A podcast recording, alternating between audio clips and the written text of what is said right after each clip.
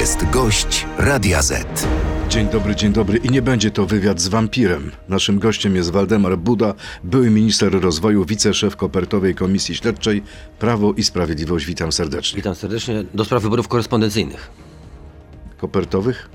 Do spraw korespondencyjnych. No dobrze, jak zwał, tak zwał, wiadomo o co chodzi. Y, Witam panie ministrze. Na początek krótka piłka. Czy Polska powinna zamknąć granicę z Ukrainą, tak czy nie? Oczywiście, że powinna. Nasz gość mówi, że powinna. Czekamy na państwa opinię. Zapraszam na radioz.pl. Dlaczego powinna?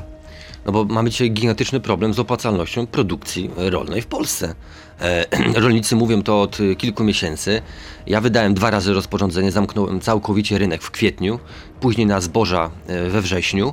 Trzeba mieć odwagę wobec e, i Ukrainy, i Unii Europejskiej, nie obawiać się jakichś e, obaw takich, które prezentują dzisiaj chociażby Ukraińcy, bo A Ukraińcy nie zamkną w retorsji swojej granicy dla polskich produktów? Ale mi też grożono. Ja też takie dostawałem sygnały. Mi też minister, wicepremier przekazywał tego informacje, tego typu informacje. Pani Swirdenko również wicepremier mi o tym mówiła. Natomiast ostatecznie tego nie zrobili. Dlaczego? Dlatego przecież, że na taką wojnę handlową nie pójdą, e, ponieważ m, e, przez nasz hub, chociażby w Rzeszowie, przepływa e, humanitarne m, e, zaplecze, przepływa e, sprzęt wojskowy, e, różnie inne rzeczy. Więc- Sądzi pan, że gdyby w retorsji na zamknięcie polskiej granicy Ukraińcy zamknęli swoją granicę na polskie produkty, to my byśmy zamknęli pomost militarny dla Ukrainy? Nie zamknęlibyśmy, natomiast myślę, że e, Ukraina nie chce na taką wojnę iść. No dzisiaj ona jest w bardzo trudnej sytuacji i myślę, że takie ciosy e, na poziomie e, handlowym nie, nie służyłyby jej z pewnością.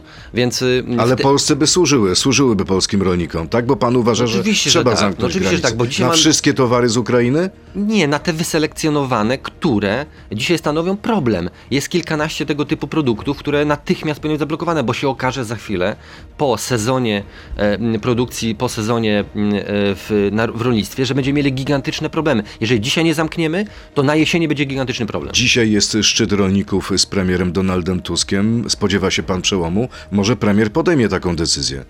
No być może, natomiast y, y, y, proszę pamiętać, że trzy miesiące zwłoki były uzasadniane tym, że ma dojść do porozumienia bilateralnego między Polską a Ukrainą. Myśmy to sprawdzili w Ministerstwie Rolnictwa. Żadne rozmowy się nie toczą albo są ukrywane przed rolnikami. Nie wiem, czy sprawdziliście, dlatego że e, tak jak e, e, powiedzieliście po tej wizycie w Ministerstwie Rolnictwa, utajniono notatki z, ze spotkań z Ukraińcami. No a to co to znaczy? Że y, minister Siekierski czegoś się boi, czegoś się obawia, nie chce tych dokumentów pokazać. To znaczy albo e, one y, są o niczym, albo w ogóle się nie A odbywały. może po prostu to jest prosta zasada negocjacji. Nie pokazuje się kart, którymi się dysponuje. Nie mówi się o Bzdura. szczegółach negocjacji. Bzdura. Po to, Nasze- żeby mieć większe asy w rękawie. Bzdura. Nasze stanowisko powinno być jasne i jest, powinno być publicznie znane, znane. To znaczy, co oczekujemy od Ukraińców. Jak myśmy negocjowali e, chociażby Krajowy Plan Odbudowy, przychodził e, pan poseł, nie wiem, Trela na kontrolę, dostawał trzy segregatory z negocjacji i sobie wertował przez e, e, dwie godziny. Tutaj się e, utajniło dokumenty, co prawdopodobnie się skończy odpowiedzialnością karną samego ministra Siekierskiego, bo wykorzystywanie klauzuli tajności do dokumentów, które powinny wytworzone były miesiąc czy dwa miesiące temu i fruwały po wszystkich resortach, a dopiero w wyniku kontroli poselskiej zostały utajnione, jest nielegalne. Pana zdaniem minister Siekierski skończy przed sądem? No namówiliśmy opinie prawne, wszystko na to wskazuje, że działał nielegalnie w tej sprawie. No dobrze, ale co wy robicie? Wiceminister Kołodziejczak mówi, że zachowujecie się jakbyście chcieli zrobić coś dobrego dla Kremla, dla Putina, bo tylko ludzie, którzy źle życzą Polsce, żąd- żądają ujawnienia szczegółów rozmów, tak ważnych. Znaczy do, do pana Kołodziejczaka to nie będę się odwoływał, bo jego wypowiedzi e, prorosyjskie są znane wszystkim w internecie. E, spokojnie można je odnaleźć. To jest człowiek niepoważny, nie, nie jest partner dla nas do dyskusji. Natomiast minister Siekierski dał się wciągnąć w taką mm, grę polegającą na tym, że będzie blokował dostęp do informacji. Rolnicy nas o to pytali. Ja mam SMS-y, z których wynika, że organizatorzy protestu, który był em, w, dwa dni temu, e, oczekiwali, że dowiedzą się, jaki jest stan negocjacji z U- Ukrainą. E, I to oni oczekują tych dokumentów. Dzisiaj przed spotkaniem z Donaldem Tuskiem powinny być odtajnione te dokumenty, bo one nie są tajne, bo gdyby były tajne, powinny być e, e, utajnione w momencie ich wytworzenia. Czy to oznacza, że tak naprawdę chcecie się podpiąć pod protesty rolników i obalić ten rząd? O to wam chodzi? Tu nie chodzi o żadne podpięcie pod protest, Pytanie, czy rolnicy wam rządu. wybaczą wasze działania albo brak działań? Wie pan co, ja byłem w tym tłumie rolników e, e, tego dnia, kiedy tutaj byli. I muszę panu powiedzieć, e, 99% bardzo pozytywnych reakcji, e, e, którzy, które wskazywały na to, żebyśmy im wspierali, e, żebyśmy ich trzymali na duchu, nie mieli żadnych pretensji do naszej działalności. To krótki test, y, quiz. Ukraińskie zboże nie jest dla polskich rolników żadnym zagrożeniem. Wie pan, kto to powiedział? Nie wiem, kto to powiedział. Jarosław Kaczyński. No, ale były takie momenty i etapy, w którym rzeczywiście tak funkcjonowało. Jeżeli mieliśmy sytuację, w której zablokowaliśmy... Ale nie można bardziej się pomylić. No nie, ale proszę mi powiedzieć, jaki to jest kontekst, jeśli chodzi o czas. Bo jeżeli zablokowaliśmy... Czerwiec 2022 roku. Jeżeli zablokowaliśmy zboże e, i mógł iść tylko tranzyt, no to oczywiście nie było to zagrożenie. Myśmy doprowadzili do tego, że transport tranzytowy szedł z konwojami kasu. Z przodu funkcjonariusz, z tyłu funkcjonariusz jechała ciężarówka. I to było szczelne. Jak jest dzisiaj? E, No dzisiaj, no proszę pytać e, władze. E, Ja nie wiem, czy Już te nie ma takich obowiązują. konwojów? Myśmy konwoje wprowadzili, było to bardzo, bardzo szczelne, nic w Polsce nie zostawało. Najpierw został wykluczony pan poseł Wójcik, potem został wykluczony pan przewodniczący Joński. Tak to teraz będzie wyglądać na waszej komisji? Będziecie się tak wzajemnie wykluczać? No, no, pan przewodniczący Joński ze swoimi ko- m, kolegami, koleżankami wprowadził do komisji śledczej poziom, który do tej pory nie był spotykany na komisjach e, śledczych. Ja sobie całą przejrzałem komisję śledczą chociażby do spraw VAT-u. Tam minister Chorała prowadził. Każdy mógł się wypowiedzieć ile chciał, nie zabierany był głos, nie było takich przytyków, e, które czynił e, Dariusz Joński. No i dzisiaj padł ofiarą e, swojej polityki. Zabierał głos, wykluczał, no to myśmy go również wykluczyli. Ale proszę zwrócić uwagę na to. Pierwszy przewodniczący komisji śledczej, który został wykluczony z powodu braku bezstronności. Ale czy to jest komisja śledcza, czy już cyrk? To jest I czy wy czasem nie chcecie zrobić z tej komisji śledczej cyrku? No bo wczoraj, po wykluczeniu pana posła Wójcika, ostentacyjnie wyszliście z komisji. Panie redaktorze, To wygląda jak chęć storpedowania jej pracy. 79% społeczeństwa e, przed rozpoczęciem prac komisji było przekonane, że wybory korespondencyjne nie odbyły się w wyniku naszych działań i to my poniosliśmy za to odpowiedzialność. Wie pan, ile dzisiaj Polaków twierdzi tak, tak O samo? jakim sondażu pan mówi? E, Mówię, sondaż, który się pojawił wtedy, no jakby mo- mogę przytoczyć panu y, pracownię. Dzisiaj mówi o tym tylko 49%. Co to oznacza? Że w wyniku prac tej komisji Polacy bardziej twierdzą już dzisiaj, że to oni zmarnowali te środki w związku z podmianą kandydata niż my. Czyli osiągnęliście swój cel. Oczywiście. Czyli chodziło o storpedowanie jej pracy. Nie storpedowanie, tylko wyjaśnienie Polakom, jaka jest prawda. No dobrze, a kto ma większą wiarygodność? Pani prokurator Wrzosek czy pani prokurator Dudzińska? No jeżeli widzimy e, dokumenty i materiały, z których wynika, że jest dekretacja na rzecz pani prokurator Dudzińskiej, która miała zająć się sprawą, a została ona podebrana przez koleżankę z pracy. Ja sobie tego nie, nie wyobrażam. W różnych instytucjach pracowałem, ale żeby doszło do sytuacji, w której idzie pani Wrzosek i podbiera teczkę e, z aktami sprawy i wszczyna postępowanie, niewyobrażalna rzecz. Jak ona była tam traktowana? Znaczy, jak ona pracowała, jak ona relacje ze swoimi Pani koleżankami i kolegami twierdzi, że miała do tego prawo. utrzymywała. No nie miała, no jeżeli była dekretacja, I że ona się tym nie zajmuje, karnie delegować panią prokurator Wrzosek? a tego, tego ja nie oceniam, bo delegacje Właśnie. były y, od zawsze, y, wcześniej również były delegacje, również prokuratorzy były na różne odcinki wysyłani i pewnie dalej będą. Na razie wasza współpraca z panem przewodniczącym Jońskim wygląda jak współpraca psa z kotem. Co będzie dalej? Pobijecie się? Mm, Oczywiście, że nie, nikt takich zamiarów nie ma, ale no, widać y, jasno. Do tej pory w wszystkich komisjach śledczych było tak, że na czele ich stawiali prawnicy. Bez względu na to, jaką partię chodziło. Y, Mówię nawet również o opozycji, o dzisiejszą koalicję. Zawsze był to prawnik. I e, powodowało to, że to była uporządkowana praca e, człowieka, który zna przepisy. Pan Joński i Szczerba nie znają przepisów, nie znają ustawy o komisji śledczej, nie znają KPK i mnóstwo błędów, potyczek różnych dzieje się tylko dlatego, że oni prawa nie znają. E, Dzisiaj taki fajny komentarz czytałem w internecie, że rozdzielenie pana Jońskiego i Szczerby nie najlepiej im służy. Ale pan się połączył z kolei z panem posłem Jabłońskim i robicie to samo, co za waszych czasów posłowie Szczerba i Joński. Chodzicie i kontrolujecie. Nie, ja kontrolę przeprowadziłem trzy, y, każdą z inną osobą. Byłem z ministrem Chorałą, byłem z dawniej Jabłońskim. był Szczerba z y, Jońskim, teraz jest Buda z Jabłońskim? Byłem z ministrem Jabłońskim, byłem z ministrem Chorałą, byłem z ministrem Błasz, Błaszczakiem. Y, Podejmujemy kontrolę w różnym formacie. Dobrze, to teraz krótka piłka. E, Poproszę o krótkie odpowiedzi tak albo nie. Z prezesem Kaczyńskim PiS daleko już nie pojedzie, tak czy nie? Z prezesem Kaczyńskim ma szansę jechać dalej. Tylko dokąd? E, Myślę, że do konsolidacji prawicy, ostatecznie wygrania wyborów. Zawaliłem sprawę KPO, tak czy nie? Absolutnie nie, a po tym, co się okazało kilka dni temu, e, naprawdę z podniesioną głową można w tej sprawie mówić o tym. Ceny mieszkań wzrosły przez rząd PiSu, tak czy nie? No, zapowiedź likwidacji bezpiecznego kredytu 2% spowodował wzrost cen. Donald Tusk e, e, i obecne Ministerstwo Rozwoju ponosi za to pełną odpowiedzialność. I mamy odpowiedź na nasze pytanie pierwsze. Czy Polska powinna zamknąć granicę z Ukrainą? Tak odpowiada 41% uczestników tej sądy. Na ten moment nie 59%. Przechodzimy teraz do internetu na Radio Z.pl, Facebooka i YouTube'a. To jest gość Radia Z. Czyli nie ma takiego powszechnego poparcia dla zamknięcia granicy. Jest gdzieś w tyle głowy taka myśl, że rzeczywiście mogą nas spotkać retorsje ze strony Ukraińców, które uderzą w polskich producentów. Ale pytanie jest też zadane w sposób nieprecyzyjny, bo nikt nie mówi o tym, żeby nie dochodziło do przemieszczania się osób. No to jest jasne. To jest ważne, ale pan mówi o zamknięciu granic. Oczywiste, tym że dotyczy to oczywiście. produktów rolnych. Produktu rolne, spożywcze, jak najbardziej tak. I ja mam też świadomość tego, że jak ktoś dzisiaj mieszka w Warszawie albo w Łodzi, to dla niego zamknięcie granicy, jaki mam w tym interes, co ja na tym zyskam i tak dalej. My dzisiaj mówimy o konkretnej grupie społecznej, rolników i to się pośrednio przekłada na warszawiaka, na pana, na mnie. To znaczy, że jeżeli dzisiaj rolnik polski nie będzie produkował, to za chwilę będziemy uzależnieni od produkcji z innych krajów, nie tylko z Ukrainy i wówczas to jedzenie będzie po pierwsze gorsze, a po drugie bardzo drogie.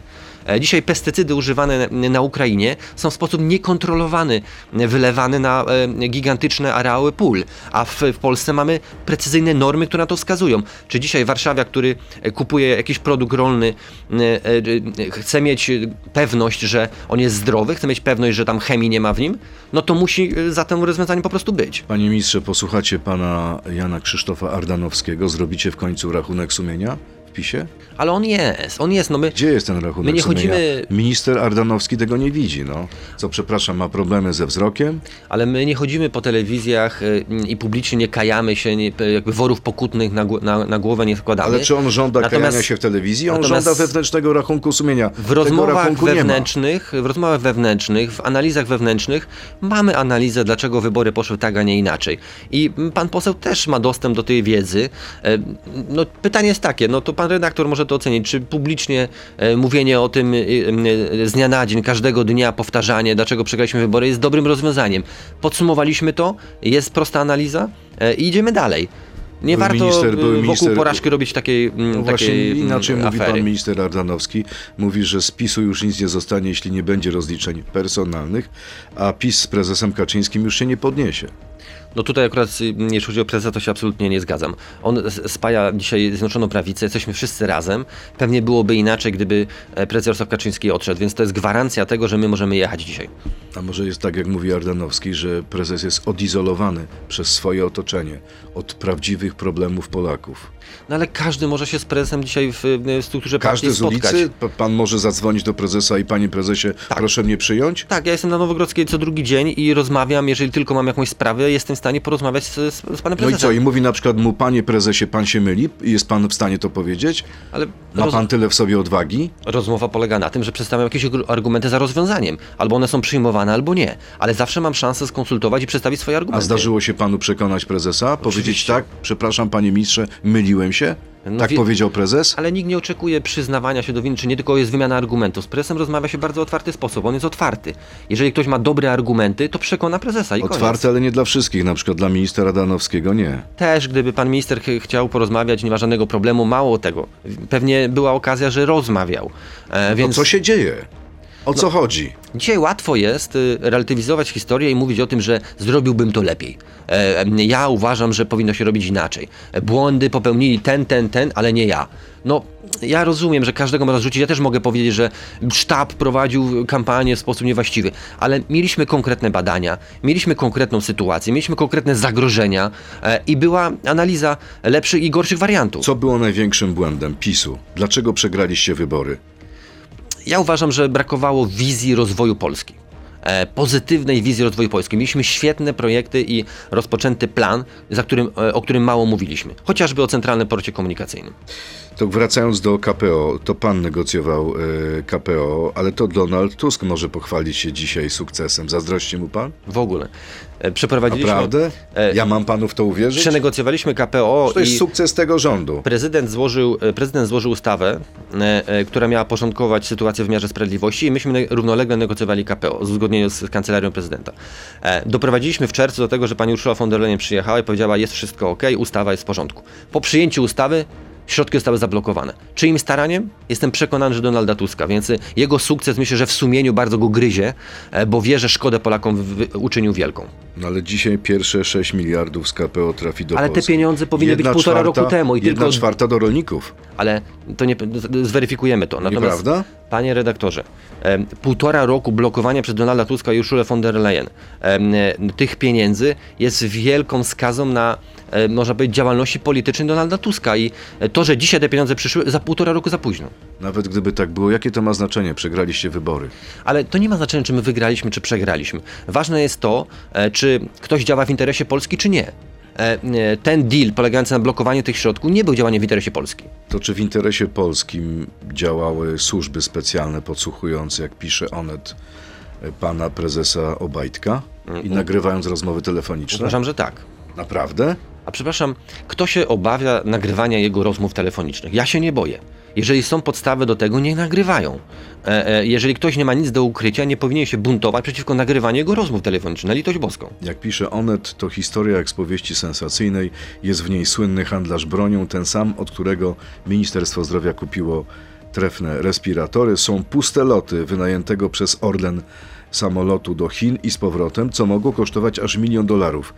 Jest nawet papież, któremu Obajtek w pandemii zawiózł wyposażenie ochronne, jakie miał trafić do polskich szpitali. I co pan na? Straszne rzeczy, naprawdę.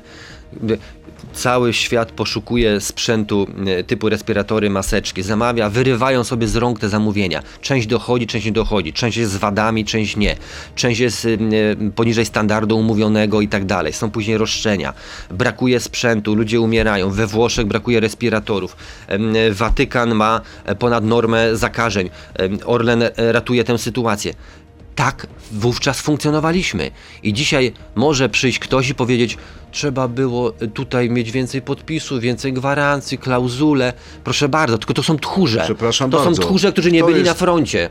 Gdy dzisiaj żołnierze walczą, na przykład ukraińscy, a może się taki malkontent przyjść i powiedzieć, oni nie mieli zgody, nie mieli właściwych butów, Ale przepraszam albo nie bardzo, mieli właściwego sprzętu. CBA, którzy podsłuchiwali I bardzo dobrze. Obajtka, to są tchórze? Nie.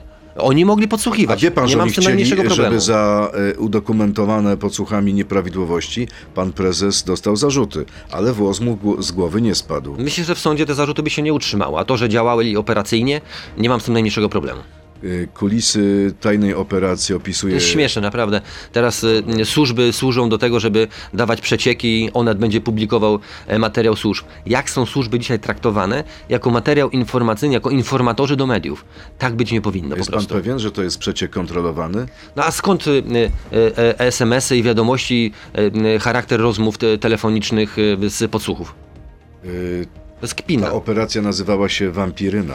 No To jest kpina. To jest po prostu kpina. Że państwo polskie dzisiaj tak się ośmiesza. Proszę Państwa, Panie Ministrze, pora na pytania od naszych słuchaczy. Pan Kamil, liderem PiSu do Parlamentu Europejskiego został poseł Tarczyński. Dlaczego Pana partia stawia na osobę, która o kryzysie migracyjnym mówiła, że to jest inwazja oraz jasno wspiera Donalda Trumpa i jego wypowiedzi o zachęcaniu Rosji do ataku na państwa NATO? E, Dominik Tarczyński został em, szefem e, naszej e, delegacji.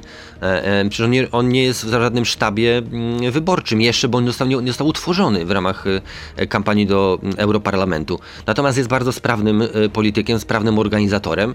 E, Być może tych jego talentów nie widać, ale naprawdę potrafi organizować. Potrafi organizować, e, skupiać wokół siebie ludzi.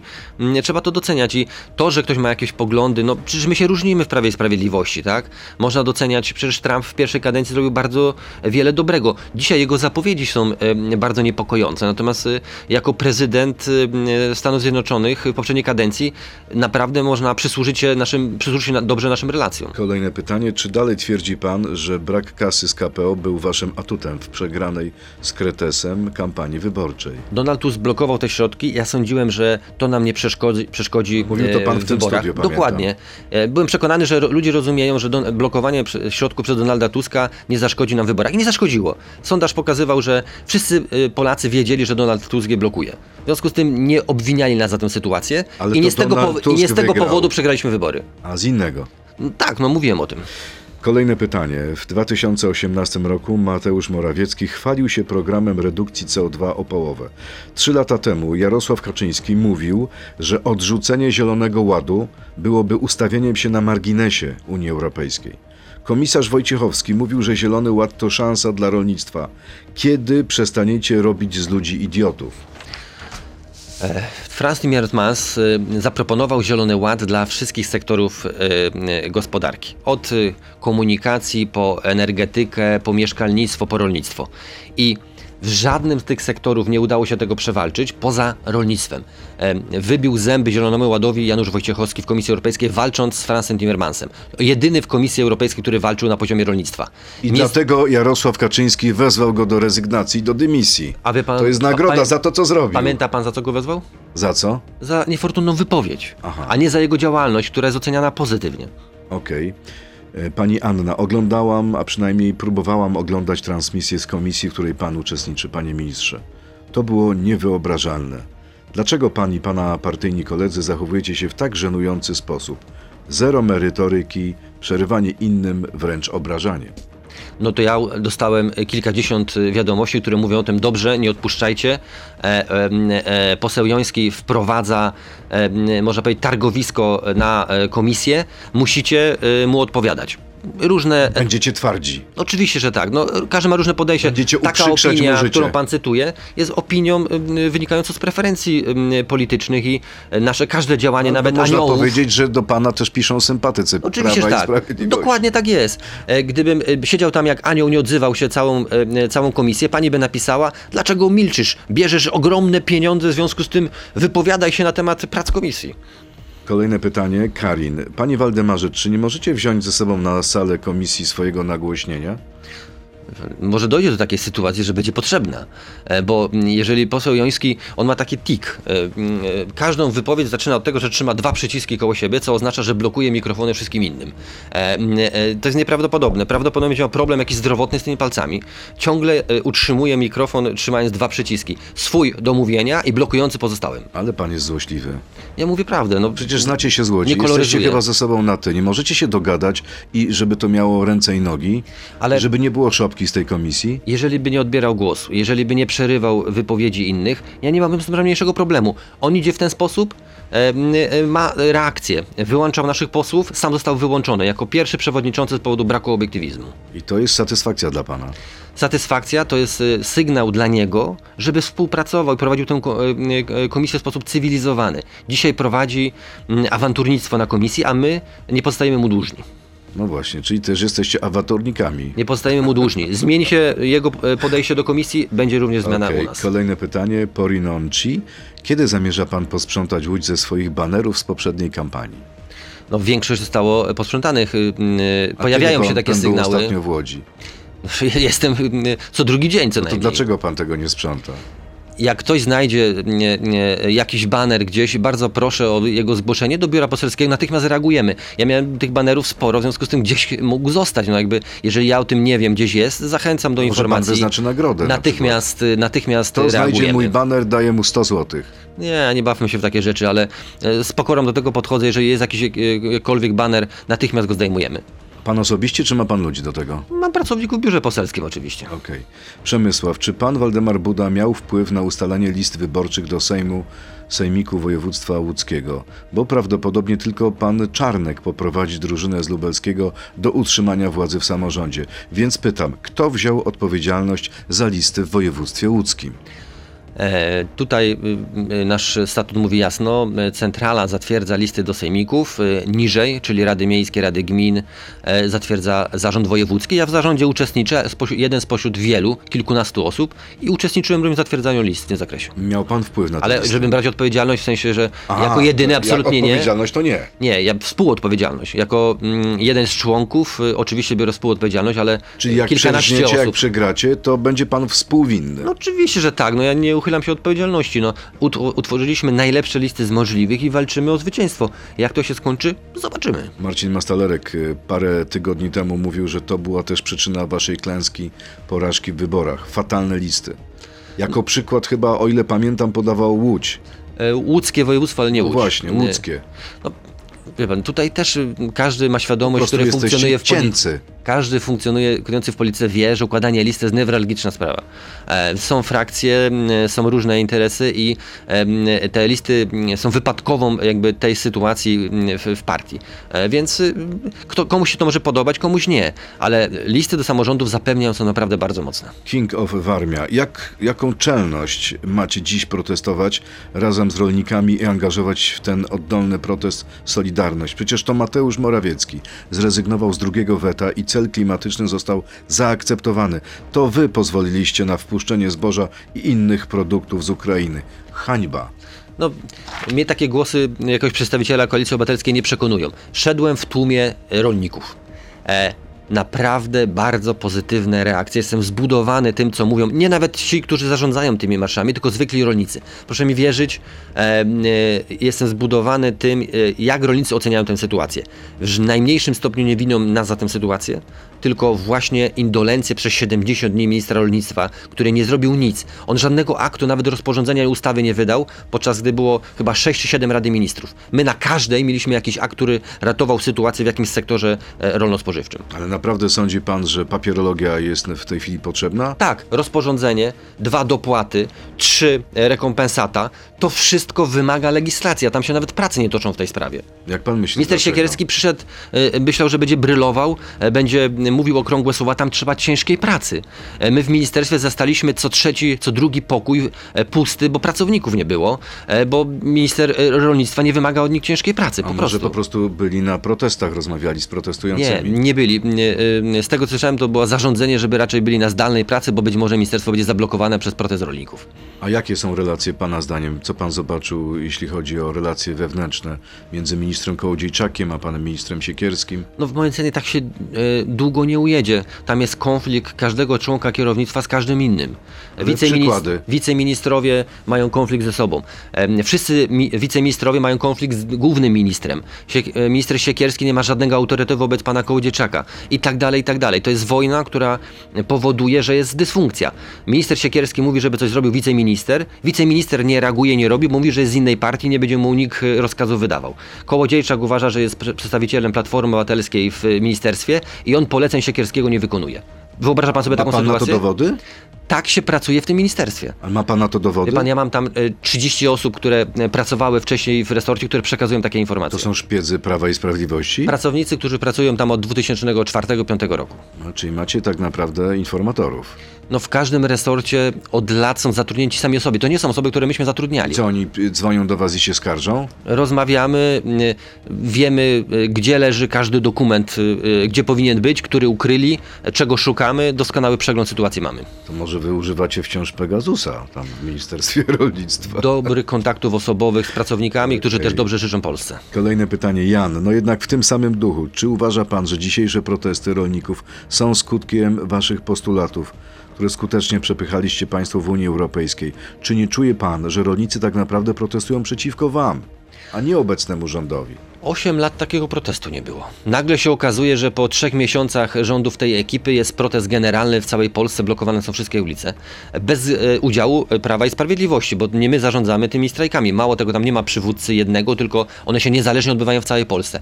Ja bardzo apeluję o to, żeby skupić się na tym, o tym, e, e, na tym, co mówią rolnicy, a nie szukać winnych tej sytuacji e, z lat ubiegłych, bo to prowadzi do klęski, gigantycznej klęski, ale nie e, polityków Prawa i Sprawiedliwości, tylko rolnictwa w Polsce. Kolejne pytanie. Dlaczego ostatnio Prawo i Sprawiedliwość traci coraz więcej głosów na rzecz Konfederacji? Czy to zmierzch PiSu? Nie ma takiego trendu. Ale jest taki sondaż Okopres ostatni, kiedy Konfederacja ma 12%, Wy macie 30%. Średnia sondażowa nie wskazuje na jakiekolwiek wzrosty Konfederacji kosztem Prawa i Sprawiedliwości. Nie boi się Pan Konfederacji? No przecież ona zawsze funkcjonowała i my spokojnie, synergicznie możemy działać na scenie politycznej. Według mnie jest miejsce i dla Konfederacji, i dla Prawa i Sprawiedliwości. Kolejne pytanie. Dlaczego Prawo i Sprawiedliwość uchwaliło ustawę o elektromobilności, która pozwala na wprowadzanie stref czystego transportu? A teraz wasi kandydaci, na przykład pan Bocheński, lansują się na obrońców kierowców i przeciwników takich stref. to proszę zobaczyć, z jakich przepisów wynika e, wprowadzenie tych stref. Z przepisów europejskich. To jest jeden elementów Zielonego Ładu Franza Timmermansa. Em, e, A, Krok po przepraszam, kroku. nie mogliście powiedzieć sorry, ale my tego, czegoś takiego nie wprowadzimy. A to wynika z dyrektyw, które muszą być implementowane do e, ale porządku na wszystko krajowego. się zgadzacie? Zgodziliście się na Zielony Ład w tej, w tej sprawie? Dyrektywa działa bezpośrednio, jeżeli nie jest wdrożona przepisem krajowym. Myśmy wybili zęby tym przepisom, e, opóźnialiśmy jak tylko mogliśmy, więc zrobiliśmy wszystko, żeby to Czyli nie blokować. było innego wyjścia. Musieliście wprowadzić te przepisy, dzisiaj e, ale de facto otworzyliście furtkę. EPL i koledzy Donalda Tuska rządzą e, w Unii Europejskiej, wprowadzają te przepisy. Tam trzeba szukać źródła. E, Zielony Ład wymyślił Franz Timmermans z Urszulą von der Leyen. Ona się tym chwaliła, że to jest jej dziecko. Panie ministrze, kolejne A pytanie. dzisiaj przyjeżdża i jest- jest wielkim obrońcą rolników, tylko nie za wiele na ten temat nawet wie. Proszę przypomnieć słuchaczom, o ile wzrosły średnie ceny nieruchomości po wprowadzeniu przez Prawo i Sprawiedliwość kredytu 2%. Proszę zwrócić uwagę na to, kiedy rosły ceny nieruchomości. Po tym, jak w październiku po wyborach e, obecny rząd zapowiedział, że nie będzie kontynuował bezpiecznego kredytu 2%. Do czego to prowadziło? Do paniki mnóstwa osób, które planowało kupić mieszkanie nawet w 2024 roku, ale obawiało się, że programu nie będzie, zgodnie z tymi zapowiedziami i e, poszło kupić to mieszkanie w 2023 roku. Całkowitą odpowiedzialność za tę sytuację ponoszą e, dzisiejsi rządzący. Gdyby powiedzieli, przedłużamy działalność kredytu 2%, to by się rozłożyło na półtora roku, nie byłoby najmniejszego problemu. Biorą odpowiedzialność za tę sytuację dzisiaj. Najlepiej zepchnąć odpowiedzialność Nie, na innych. ale było jasne, analitycy mówili, potrzebna jest ciągłość i 5 lat działania programu, tak myśmy zapowiedzieli. Gdyby program był pewny na 5 lat, nie byłoby żadnego problemu. Ktoś by kupił mieszkanie w 2023 w lipcu i w lipcu 2024 kolejne osoby, a nie kumulacja 50 000 tysięcy osób w, grudniu 2023. A co z wakacjami kredytowymi? No, dzisiaj w y, Ministerstwie Finansów y, rządzą banki. To ministerstwo trzeba nazwę jego zamienić na Ministerstwo Banków z Ministerstwa Finansów. Banki, proszę sobie wyobrazić, banki zrobiły sondaż wśród bankowców, z którego wynika, że 72% jest przeciwko wakacjom kredytowym. Na tej podstawie pan Domański z Tuskiem postanowili, że wakacji kredytowej nie będzie i zdjęli tego z porządku obrad y, Rady Ministrów. To jest skandal. Dzisiaj interes banków jest ważniejszy niż kredytobiorców. Ale to są bardzo mocne oskarżenia. To są prawdziwe oskarżenia. Decyzje- Boją się Ma pan dowody na to, że to banki rządzą w Ministerstwie Finansów? boją się lobby. Chce pan powiedzieć, że pan minister Domański jest lobbystą bankowym? Boją się banków jak ognia. Interes banków jest najważniejszy w Ministerstwie Finansów. Nic nie zrobią bez szkody dla banków. Dzisiaj wakacje kredytowe w pełni finansowane są przez banki. Banki się sprzeciwiają, rząd tego nie robi. To jest dramat. Myśmy mm, e, nie negocjowali z bankami w przypadku naruszania ich interesu, bo wiedzieliśmy, że banki w 2023 roku osiągną rekordowy zysk i osiągnęły 160 miliardów, 160%, pro- 160% więcej niż w 2022 roku. I dzisiaj się chroni jeszcze ich interes. No i kolejne pytanie. Jak to jest być twarzą pogłębienia kryzysu mieszkaniowego w Polsce? No właśnie odpowiadam na to pytanie. Gdyby kontynuować y, program Bezpieczny Kredyt 2%, nie byłoby żadnego problemu z taką zwyżką cen nieruchomości.